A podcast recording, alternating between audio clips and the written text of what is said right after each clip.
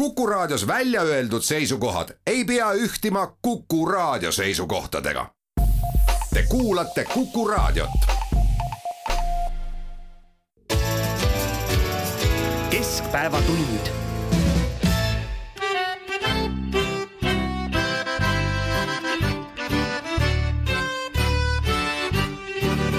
veel metsad meil on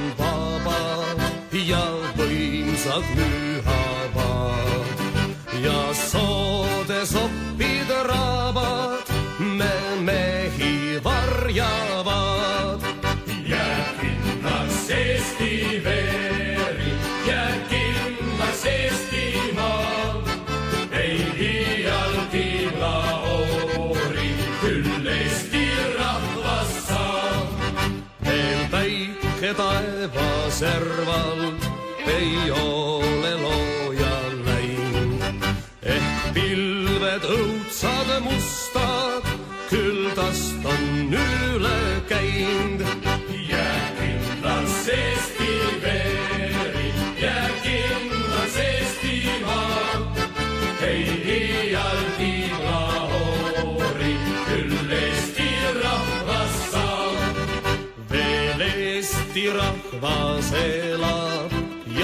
ja visavõitlust peab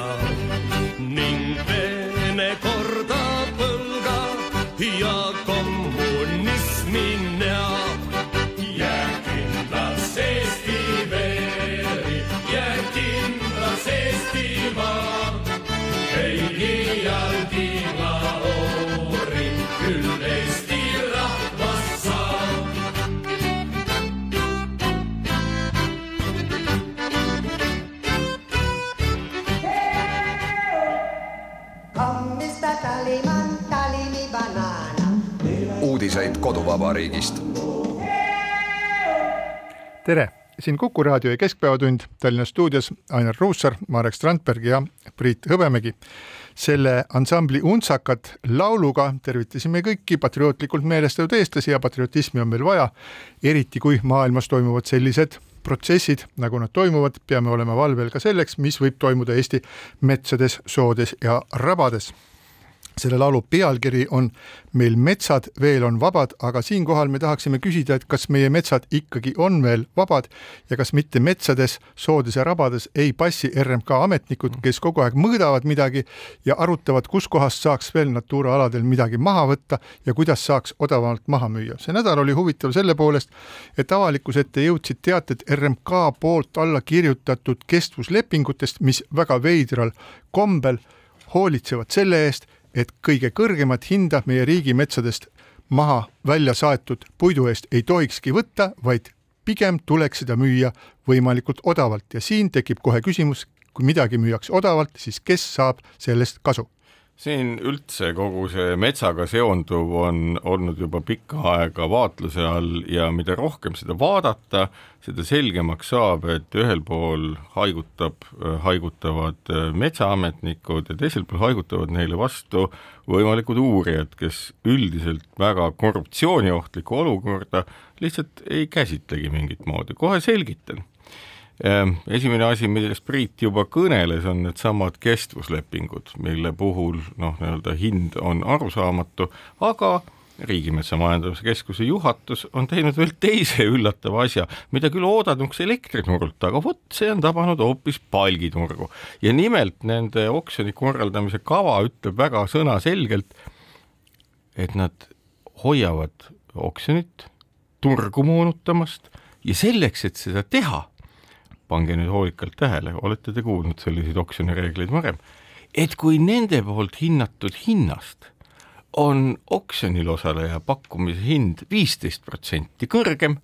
siis seda hinda ei peeta õigeks ja võetakse siis see, kelle hind on allapoole viieteist protsendist noh, seda nii-öelda piirmäära, millest ülel, ülalpool olevad nii-öelda hinnad moonutavad liiga palju turgu. aga sellel ja, peab olema mingi selgitus, see turumoonutus ole... ei, ei ole mingi jaa, see on eufemism, saad aru, see turumoonutus on eufemism noh, ma kujutan ette, et selleks ei ole väga palju vaja mõelda, et aru saada, et sellised klauslid kestvuslepingud ja muud ilulilu, mida nüüd nii-öelda vaikselt on ajakirjandus Riigimetsa Majandamise Keskuse ja tegelikult ka siis Keskkonnaministeeriumi tegevusest ilmale toonud või välja koukinud, ei olegi mitte midagi muud, kui soov on müüa mingisuguse kindla hinnaga, pigem odava hinnaga, tuues ettekäändeks, et me toetame sellega Eesti majandust, mis, juhin tähelepanu, Euroopa Liidus ei ole õiguspärane käitumine, et toetada oma majandust mingisuguste nii-öelda toimingutega, millel on rahaline tähendus, ja iga kui inimene, kes on küsitletud ja öelnud, et nende meelest on see nii-öelda kuna enamus ju sellest metsast müüakse välja, mis on ostetud vastavalt, enamus müüakse välja kõrge hinnaga siis järelikult see vahe ehk selle vahe suurena hoidmine, ostuhinna madala ja müügihinna kopsaka hoidmine, see vahe on see nii-öelda kasum, mida tekitatakse. kuidas seda jagatakse, ongi nüüd tegelikult küsimus nii ministrile kui ka tegelikult kõikvõimalikele õiguskaitseorganitele, et kes teenib selle vahepeal. Si Marek, sa kihutad praegu väga kitsas tunnelis, et no, tegelikult kogu see, kogu see asi, mis puudutab metsa, on ikkagi väga palju laiem ja väga palju keerulisem. esiteks kõik need, kes teenivad, oota, palun, kõik need, kes teenivad metsast tulu, noh, palkide või, või mis iganes äh, puu, puu äh, nii-öelda toodete näol neil on ka kohustus ju tegelikult investeerida uude metsa, ehk siis istutada uut metsa. Äh, siit tuleb aastab... uus probleem, uus mets, see, et sa paned istiku maha raielangile, mis on puhtaks raiutud, see ei ole mets. mets saab sellest raielangist jah, kahekümne viie aasta pärast ja vaata, siin nüüd ongi nagu see põhiline vaidlus looduskaitsjatega, et esimene asi, mis on nagu murettekitav, ongi asi, et nii-öelda raielanki ja lageraiet ei peeta nüüdisajal üldse mõistlikuks ja teine küsimus on loomulikult see, et metsa isetaastumisvõime mõistliku metsamajanduse puhul on oluliselt parem kui inimeste võime neid istikuid maha toksida. ja selles mõttes see pilt on üsna nukker, ehk et me raadame metsa me oleme nüüd tänaseks, eks ole, olukorras, kus metsaraied on peatatud selle tõttu, et riik on raiunud ja toiminud nii-öelda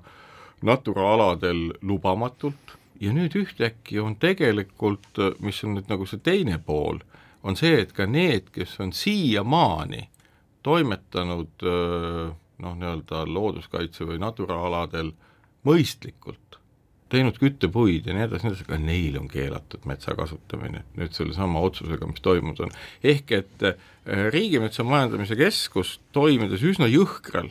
ja kontrollimatul moel, on nüüd kaasa tõmmanud ka kõik need oma nii-öelda keelu alla sattudes, kes just nagu on mõistlikud metsamajandajad. ja nüüd, kui tulla noh, veel laiemalt ja küsida, et mis on metsamajanduse põhiline probleem, on tegelikult see, et oludes, kus meil faktiliselt on võimalik millimeetri täpsusega mõõta juurdekasvu, me mõõdame seda ikka mingite kümnete või sadade aastate vanuste valemitega ja susserdatakse igal võimalikul viisil ja nüüd on lisandunud veel üks susserdamine, mis sel nädalal avalikuks tuli ja nimelt asjaolu, et ostja võib bluffida ostetud metsamahu või palgid kümme protsenti vähemaks, kui nad tegelikult on ja selle üle puudub igasugune kontroll. ehk tänane pilt sellest, mis toimub riigi metsamajanduses, ütleb küll osavale ja targale lugejale seda, mida on ka lugeda antud Postimehes, et vaadake, seal toimub mingisugune surimuri, kus ametnikud püüavad valitud seltskonnale hinda hoida odavamana ja nüüd on meie fantaasia küsimus, mis edasi? ja aga see ei ole, õnneks ei ole mitte ainult meie, kes me siin kolmekesi seda küsimust esitame ja, ja Postimehe toimetusest Ülle Harju. riigikogulased soovivad RMK kestvuslepingute uurimist samuti, see on tõusnud sel nädalal üles, et Riigikogu riigieelarve kontrolli erikomisjonis, mida teatavasti juhib Urmas Reinsalu ja keskkonnakomisjonis on tekkinud suur huvi, et saaks neid kestvus, kestvuslepinguid uurida, mis siis tõenäoliselt teatud metsa Äh, metsa ülesostjate taskusse seda raha viivad ja saada vastust ka sellele küsimusele, et kas RMK on puitu soodustingimustel müües üldse seaduste piiridesse jäetud, näiteks keskkonnakomisjoni liige Jevgeni Ossinovski äh, leiab otse, et äh, RMK kestvuslepingud tuleb avalikustada ja tahab seda keskkonnakomisjonis lähemal ajal arutada ja Ossinovski ütleb ka seda, et Riigikogu liikmetel on õigus näha lepinguid juba praegu. Äh, ja õiguskantsler on selles osas ka oma seisukoha parlamendile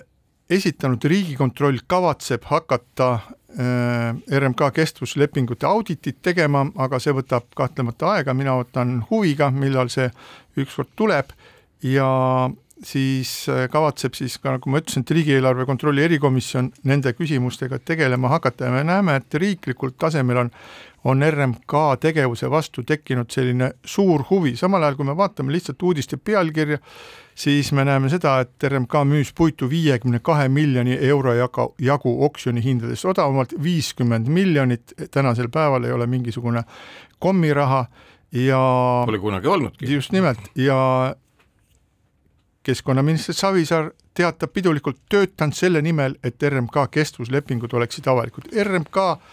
kuulub Eesti Vabariigile, kuid ma ja mul on tõepoolest väga keeruline aru saada, kuidas on võimalik, et üks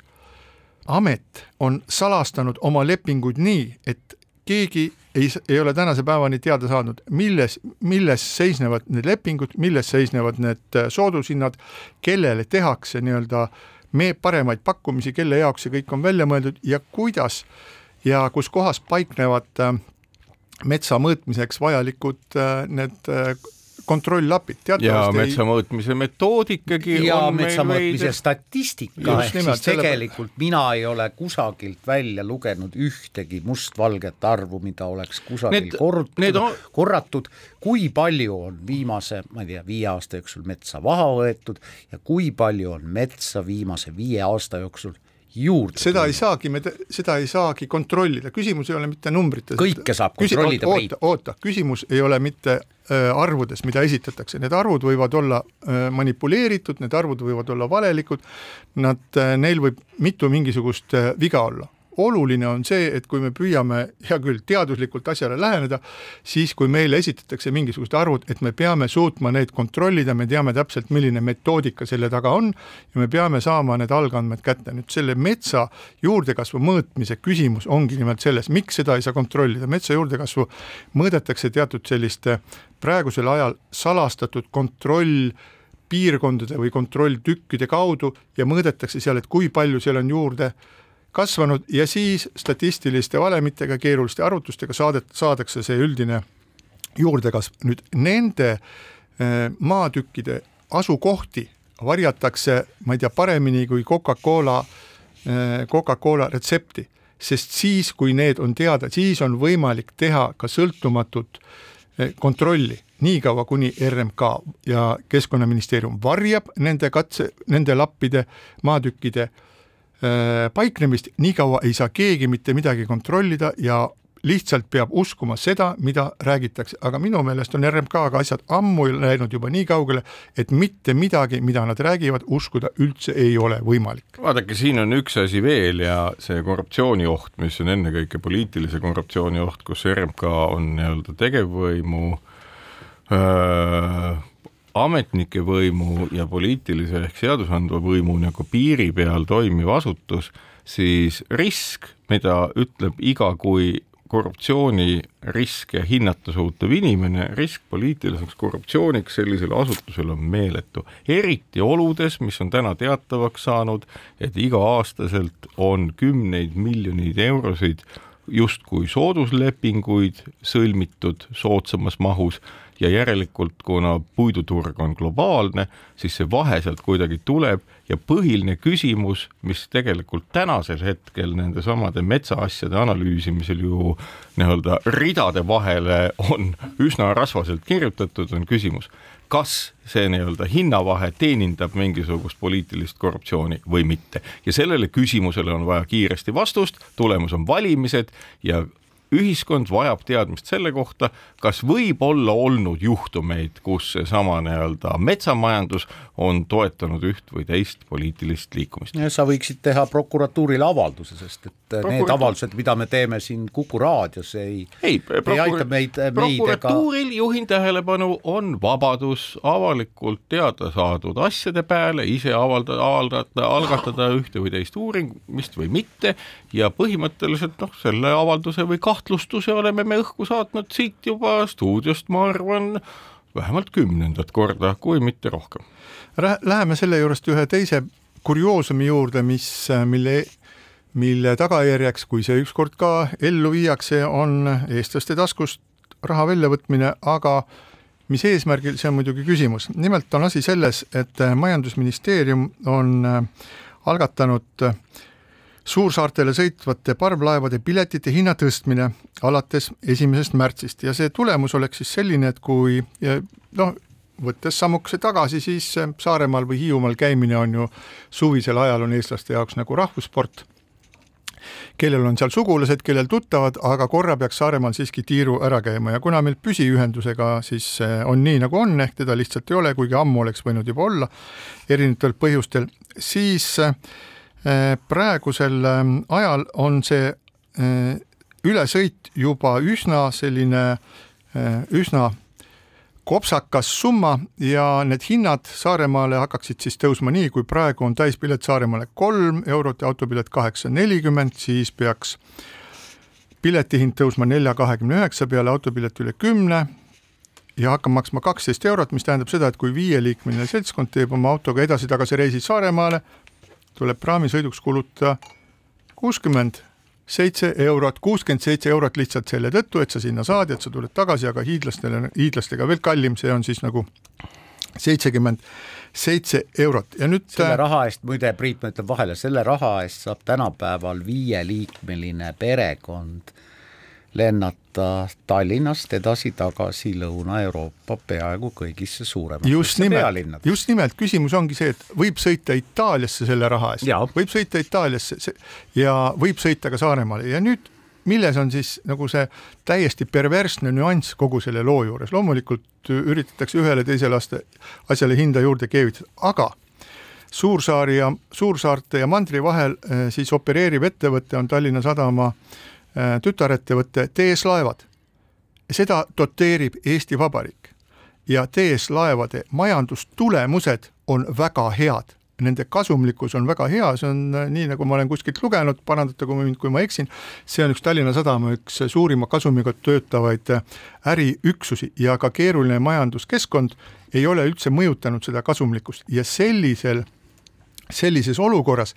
hakata tõstma hindu kuskil kolmandiku võrra on täiesti arusaamatu. rahandusminister äh, Keit Pentus-Rosimannus ütles, et see on täielik jama, et see on ebavõrdne kohtlemine,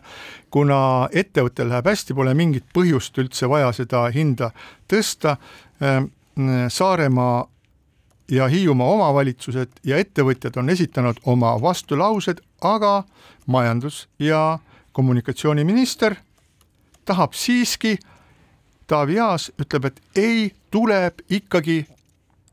tõsta seda hinda ja viitab mingisugustele segastele lepingupunktidele, et kui me seda nüüd tõsta ei saa, siis me peame hakkama mingit lepingut äh, äh, muutma, aga põhimõtteliselt on asi täiesti selge. ettevõte töötab kasumlikult, toodab suurt raha, majandusminister Taavi Aas vaatab, aga mis asja, need idioodid sõidavad edasi-tagasi sealt saate vahel, jätavad liiga vähe raha meile, võtame veel juurde, võtame veel juurde, võtame veel kolmandiku minu meelest see on nagu täielik sigadus. no jah, ma olen, ma olen sinuga osaliselt nõus ja see noh, aga see ei puuduta ainult TS Laevu, see puudutab väga palju teisi sektoreid, et vaata noh, jube lihtne on minna poodi ja vaadata, et ah tuhka, et miks see ketšup maksab äh, peaaegu kaks eurot ja teine maksab äh,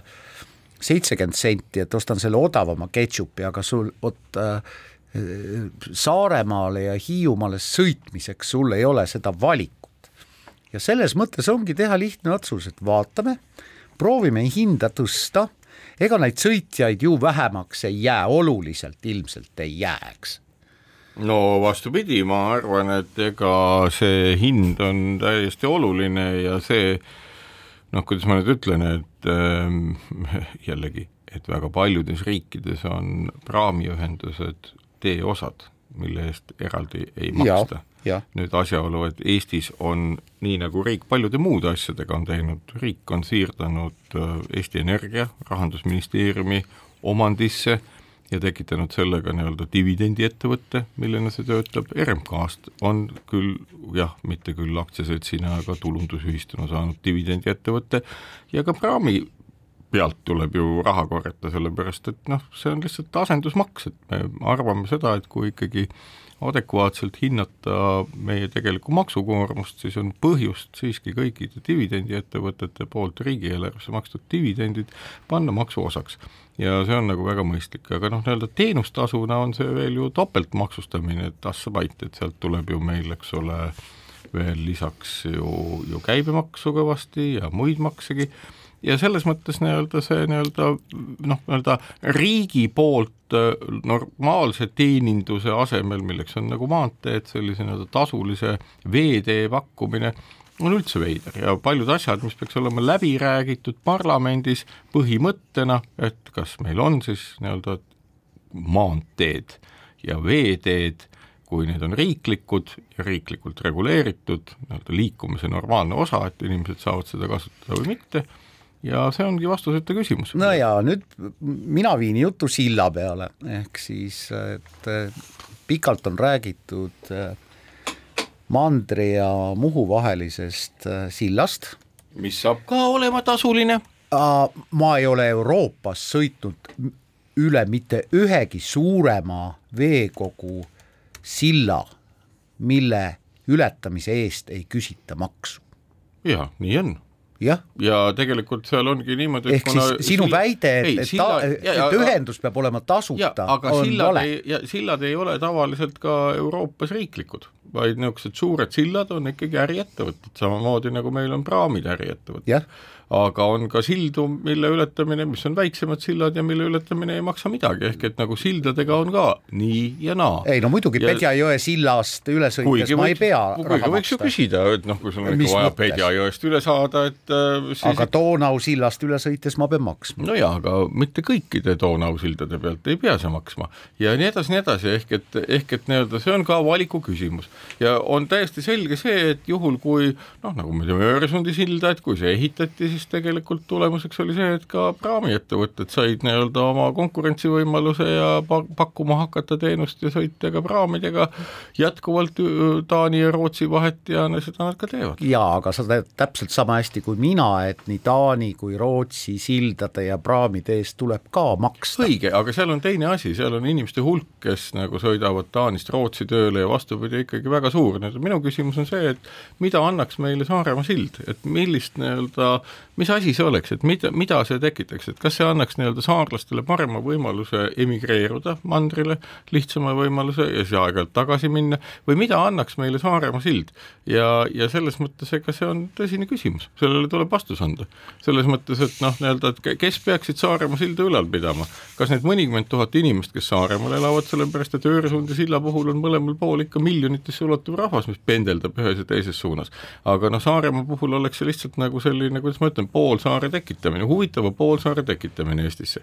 noh, kas selle püsikulud oleksid väiksemad kui praamiühendusel, ma ei oska vastata. jaa, aga püsiühendust ei ole ka ja eks need äh, Strandbergid ja teised samasugused on takistanud püsiühenduse loomise kavatsuse algatamise, väljatöötamise, planeeringut juba, ma ei tea. absoluutselt ja tuumajaama rajamist. ja, ja, ja, ja aga, aga ma selle veidra. tunnelit oleme me ma selle sõna moodust-, selle sõna moodustuse võtsin küll püsiühenduse kodulehekülgelt püsiühendus.ee ja ma tahtsin lihtsalt teada, et kui kaugele need asjad on siis jõudnud, sündmused ja olulised kuupäevad, siin on selline timeline ja siis seitsmes jaanuar kaks tuhat kakskümmend kaks, umbes kuu aega tagasi.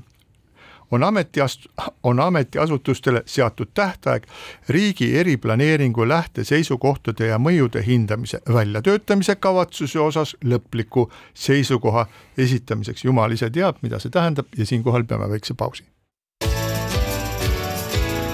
keskpäevatund.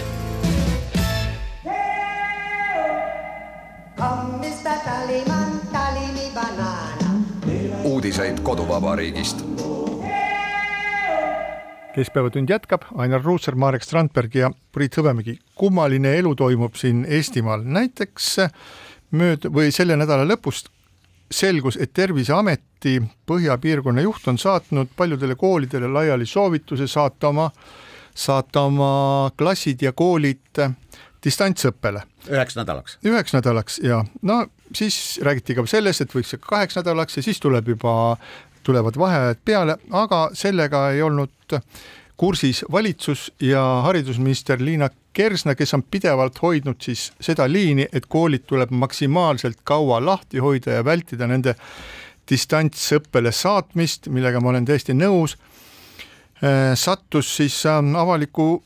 avaliku konflikti keskele, et Terviseamet on ähm, tegutsenud nii-öelda oma pead saatnud saatnud selliseid teateid laiali, lõppkokkuvõttes asi kuidagi äh, noh, mätsiti ära või siluti ära, võiks öelda, et äh, öeldi, et äh, noh, kellel, kellel asjad on väga halvad, et need siis,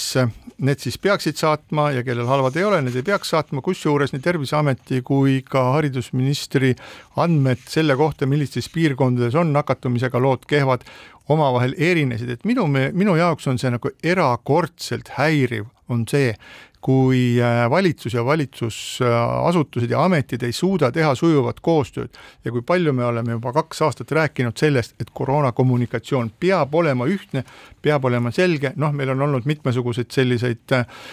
hetki, kui see kommunikatsioon on läinud äh, täiesti metsa ja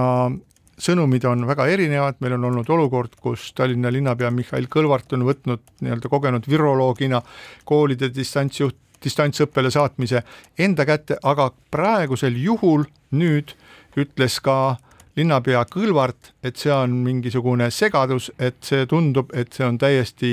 asjatu. Ja minu meelest ei peaks Terviseamet ja eriti siis nii-öelda Terviseameti üksuste juhid siis põhja, lõuna, ida, lääs saatma selliseid teateid laiali, ilma et see on kooskõlastatud ja loodud ühtne sõnum siis ka Haridusministeeriumi ja teiste vajalike üksustega. no loen küll mustvalgelt seda, et üks valitsuse liige, tervise- ja tööminister Tanel Kiik, Keskerakond, ütles pärast seda, kui ta tunnistas ka tõepoolest seda kommunikatsioonihäiret, millele sa viitasid, ja seda halba kommunikatsiooni, ütles mustvalgelt ja väga selgelt, et iga kool otsustab ise, kas saata see kool, selle kooli mõni klass distantsõppele või mitte. kordan, iga kool otsustab selle ise ja ma arvan, et see võiks olla nüüd reegel ja see on väga mõistlik, selles mõttes, et ega ju teistpidi ongi see iga koolijuhi asi, töötervishoiu ja tööohutuse tagamine küll epideemiate, pandeemiate, tulekahjude, maavärinate ja mille iganes puhul. Ja ses osas nii-öelda loomulikult koolijuht otsustab, koolijuht ka vastutab, selles mõttes ka oma õpetajate eest, kes on nüüd ka kiiremini haigestuma hakanud ja ja selles mõttes ega noh, me võimegi öelda, et ega ju võibki anda inimestele rohkem vabadust otsustada teisalt jälle, kui me küsime lihtsama küsimuse veel, mis ei olegi nii lihtne küsimus, on see, et kas nüüd see nii-öelda pendeldamine kahe õppevormi vahel, kus sama õpetaja peab rööbiti osasid kodus olijaid ja siis osasid koolis olijaid õpetama, kas see on kõige parem tee, et äh, olen küll püüdnud siin ka leida ähm, noh, nii-öelda vastust küsimustele, et kui palju siis meil pandeemia ajal on siis äh, innustutud sellest äh, võimalusest arendada välja uusi kaugõpi-, õpetamise ja distantsõppe lahendusi ja ega ausalt öelda pean üllatuma, et neid lahendusi on väga vähe. kasutatakse nii-öelda klassiruumi asendusi ühel või teisel moel, aga see nii-öelda suurim innovatsioonipotentsiaal, mida pandeemia näiteks meile kätte on mänginud, on jäänud ikkagi väga nukralt kasutada. jah, eks seda tunnevad lapsevanemad oma nahal, et kui jälle terendab ees see võimalus, et lapsed vingerdavad kodus arvuti ees, et siis tekib äh, kabuhirm ja selge on see, et mingisugust õppimist tegelikult ei toimu, laps need, seda on ka uuritud ja on selge see, et laste haridus jääb tunduvalt viletsamaks, aga reedel oli siis äh, Eesti kõrgkoolide rektoritel oli kohtumine haridusministriga, oleme selle haridusteema juures edasi ja kus räägiti siis sellest, et kas õnnestub haridusministeeriumil halduslepingud kõrgkoolidega alla kirjutada ja ka sel kohtumisel ministriga mingisuguse lahenduseni ei jõutud. rektorid halduslepingule alla ei kirjuta, kui need haridusministeeriumi poolt on vaid suulised lubadused, et kõrghariduse rahastamist suurendatakse, neid on tehtud, valitsus on teinud ka ettepanekuid teha mingisuguseid teistmoodi omavahelisi kokkuleppeid, kus natukene raha saab alguses, natukene saab äh, hiljem, aga rektorid soovivad, et äh, asi tuleb lahendada korraga ja korralikult, sest nagu nad ütlevad, praegu, praegu on olukord seal on üks, seal on üks oluline asi, see on lihtsalt nii, et nende uute halduslepingutega saavad ülikoolid juurde oma, saavad ülikoolid juurde uusi kohustusi, neilt soovitakse rohkem, aga rahastamine selle juures jääb endiseks ja aasta-aastalt muutub viletsamaks suhtes siis äh, rahvuslikku koguprodukti. just, ehk siis kolme Eesti suure ja tähtsa ülikooli rektorid andsid edasi väga tähtsa sõnumi, et enne sügist ei juhtu mingit katastroofi, aga sügisel võib see juhtuda ja nüüd kuulake, läbi käis rek-, kolme rektori suust üks väga kõnekas arv. kõrghariduse rahastamine peab kasvama nelja aasta jooksul viisteist protsenti, sest vastasel juhul katastroof, kuna äh, ülikoolid ei jõua õppejõududele maksta palka mis tagaks ka õppejõudude olemasolu, ehk siis noh, ilma rahata ei tööta ka kõige pühendunum õppejõud. Tallinna Ülikooli õppejõuna ma võin öelda, et see on täiesti õige jutt. et tõepoolest nii see on, ülikoolid ongi väga suures, väga suure pinge all, eh, paljud eh, õppejõud, teadlased, kes seal töötavad, kes nüüd uue tenuurisüsteemi järgi peavad ka siis tegema nii teadus kui ka äh, Äh, aktiivselt õpetama, on tegelikult suure osa oma ajast sunnitud pühendama järjekordsete grantide või projektisummade hankimisele, millest võib-olla neil kümme, kümme protsenti siis õnnestub ja ülejäänud on lihtsalt maha visatud aeg, et tegelikult suur osa nii õpetavast teadlaskonnast on äh, on olukorras, kus nad sisuliselt peavad väljaspoolt ülikooli endale palka teenida. just, eh, ma tahtsin, Priit, selleni jõuda, et, et noh, ka minu kogemus on näidanud seda, et noh, nii mõnigi kõrgkool on, on äh, püüdnud värvata külalisõppejõudu äh, päris õppejõu asemele, kes töötab noh, äh, lepinguga selle ülikooli juures, mitte ajutise lepinguga, sel lihtsal põhjusel, et äkki külalisõppejõule, kelle koormus on väiksem või hajutatud, saaks nagu vähem maksta. Ja mõnede puhul ilmselt saabki vähem maksta, aga aga see ei ole nagu hariduskvaliteedi puhul taga, jah, see ei ole jätkusuutlik. vaadake, ega me oleme jõudnud, mida väiksem riik, seda kiiremini jõuab ta nii-öelda kriisi, just nimelt sellise väljamõeldud võidu rahastamismudeliga, mille sisuks on nagu selles, et Äh, noh, millest, mida näiteks ei kasutata ei Ameerika Ühendriikides ega Suurbritannias, aga mille aluseks on siis nii-öelda aja, ajakirjades vormitud artiklid, nende, nende staatus, äh, seda võistumomenti hoiavad üleval kirjastused, et äh, põhiliselt Thomson Reutersi kirjastus, mis nagu ütleb, et näete, et te peate pürgima sinnapoole paraku on niimoodi, et kui me räägime teaduse kvaliteedist mõttes, et mis kasu sellest on ühiskonnale, siis loomulikult on üks võimalus hinnata avaldatud artiklite hulka, aga teistpidi on see ikkagi üsna lootusetu asi, kuna sel juhul oled sa kellegi teise korraldatud olümpiamängudel võitleja ja võistleja ja selles mõttes nii-öelda britid ja Ameerika Ühendriikides noh, seda mudelit ei kasutata. ja nüüd ongi see küsimus, et kas meil on jaksu endale teha mudel, kus me nagu suudame muuhulgas teaduse öö, toimima panna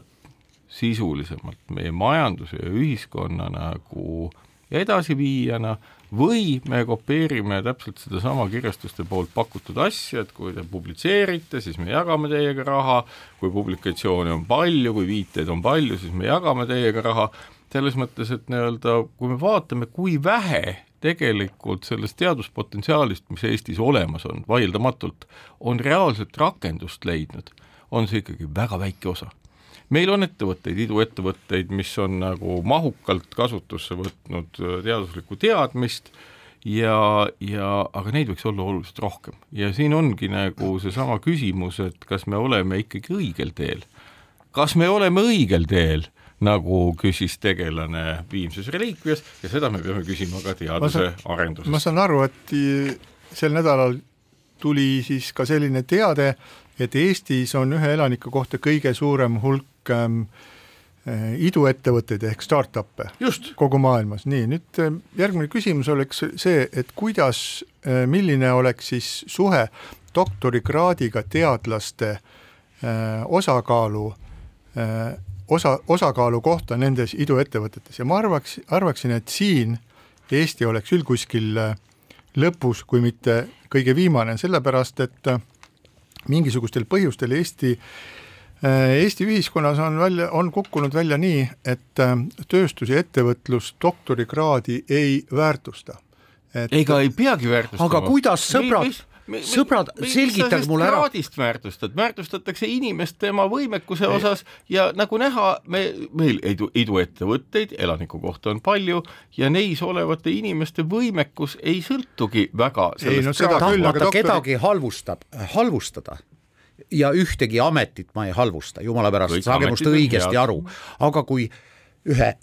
Eesti suurima omavalitsusjuht ütleb, et tuhande eurose palga eest enam prügivedajat ei saa, et teile tuleb hakata maksma kaks tuhat, siis vabandust, doktorikraadiga õppejõu palk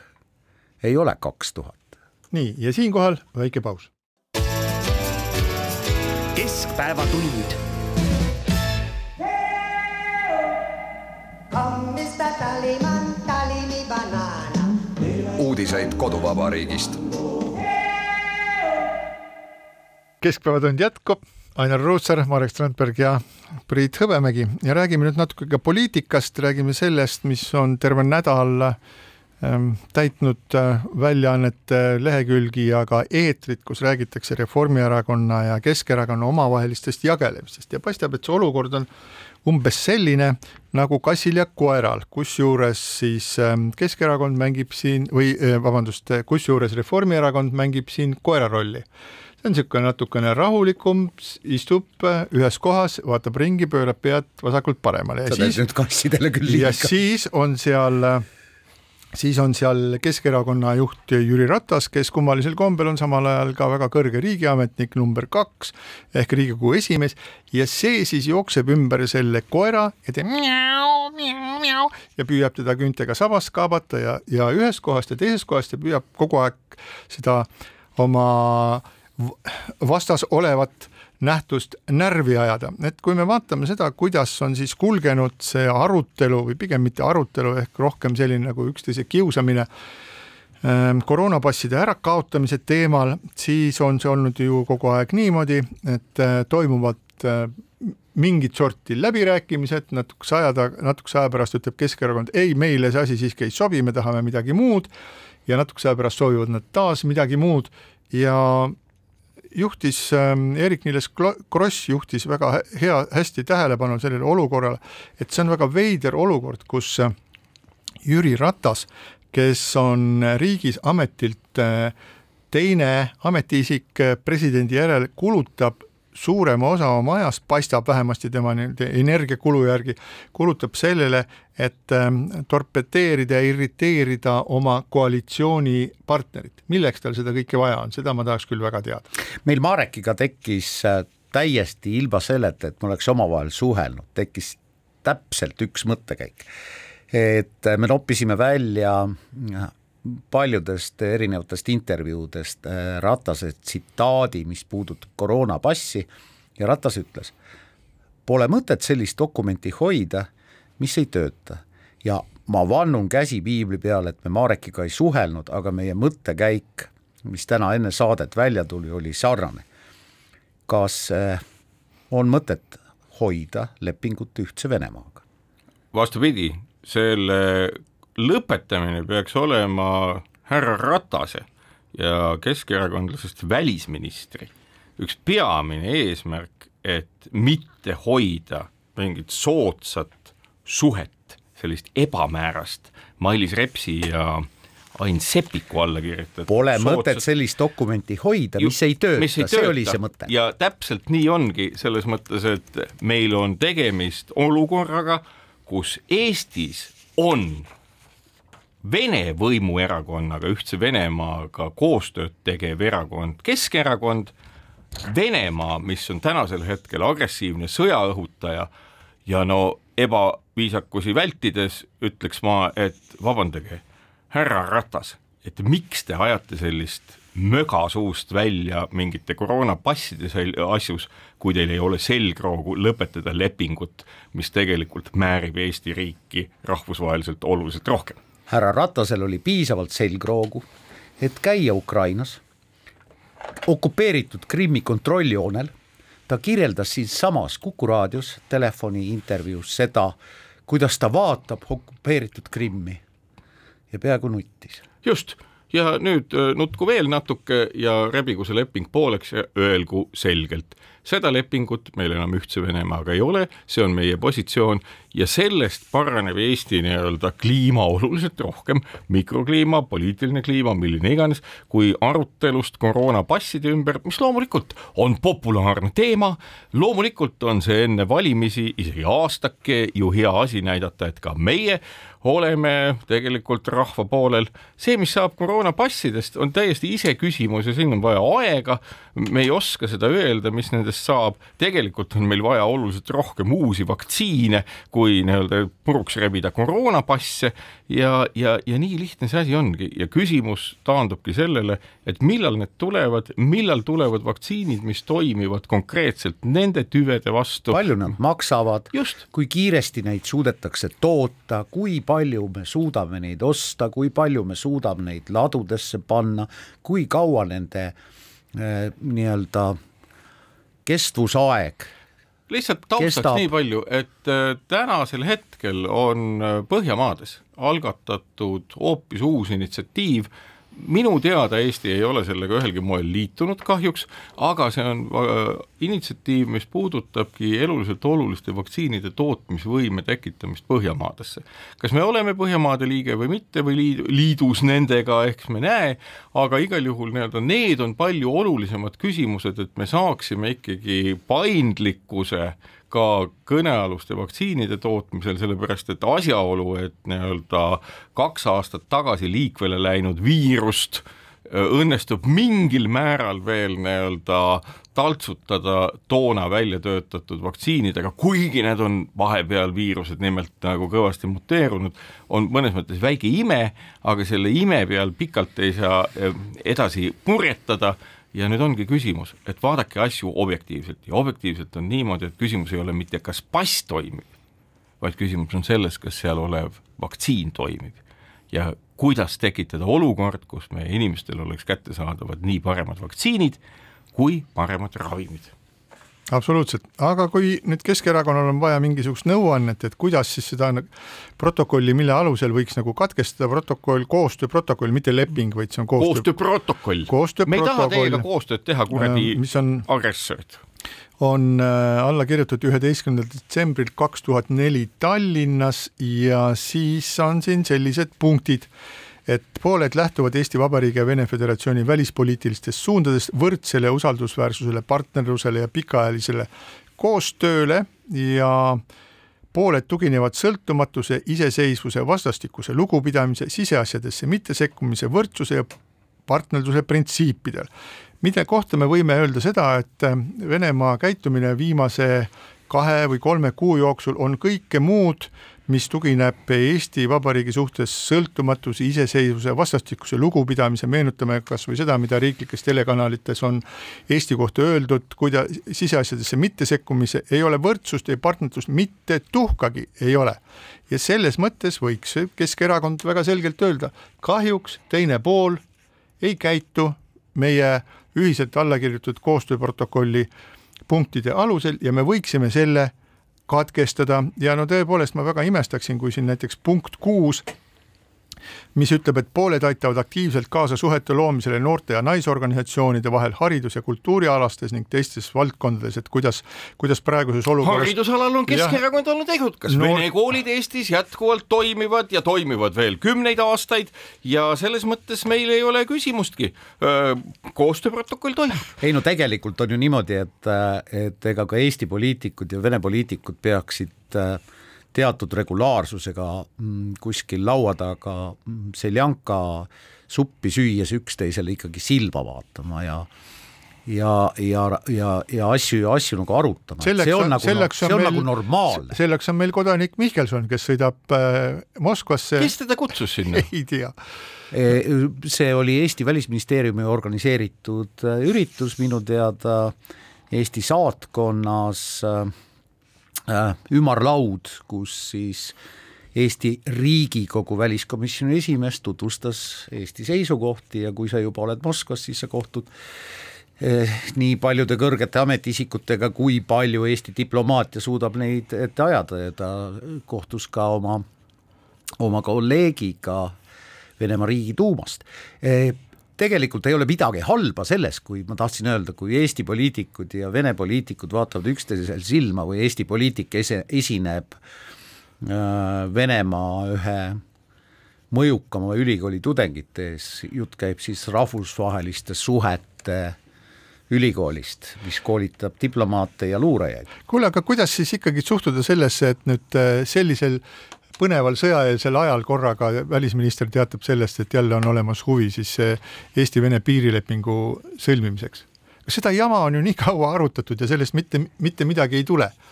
et eh, mis siis, kas see on nagu väike katsetus, on see spinn või on see nagu poliitilise seisukoha puudumine või on see Vene-poolne katse, et, et, et vaatame, äkki õnnestub selline nagu positiivne moment, et sõlmime nüüd Eestiga ära selle neetud äh, piirileppe ja siis me saame näidata, okei okay,, nad on küll väiksed, väike vastik natsiriik, aga näed, me saame nendega hakkama, et aga kuidas nüüd teiega on siis Soome, Rootsi, Norra ja nii edasi? ma arvan, et see, mis sa viimasena ütlesid, on õige jaa, aga ma arvan, et äh, Välisministeerium ei peaks sellistesse spinnidesse laskuma ega neid kuulda võtma ega neid levitama, lihtsalt tuleks öelda, et no way,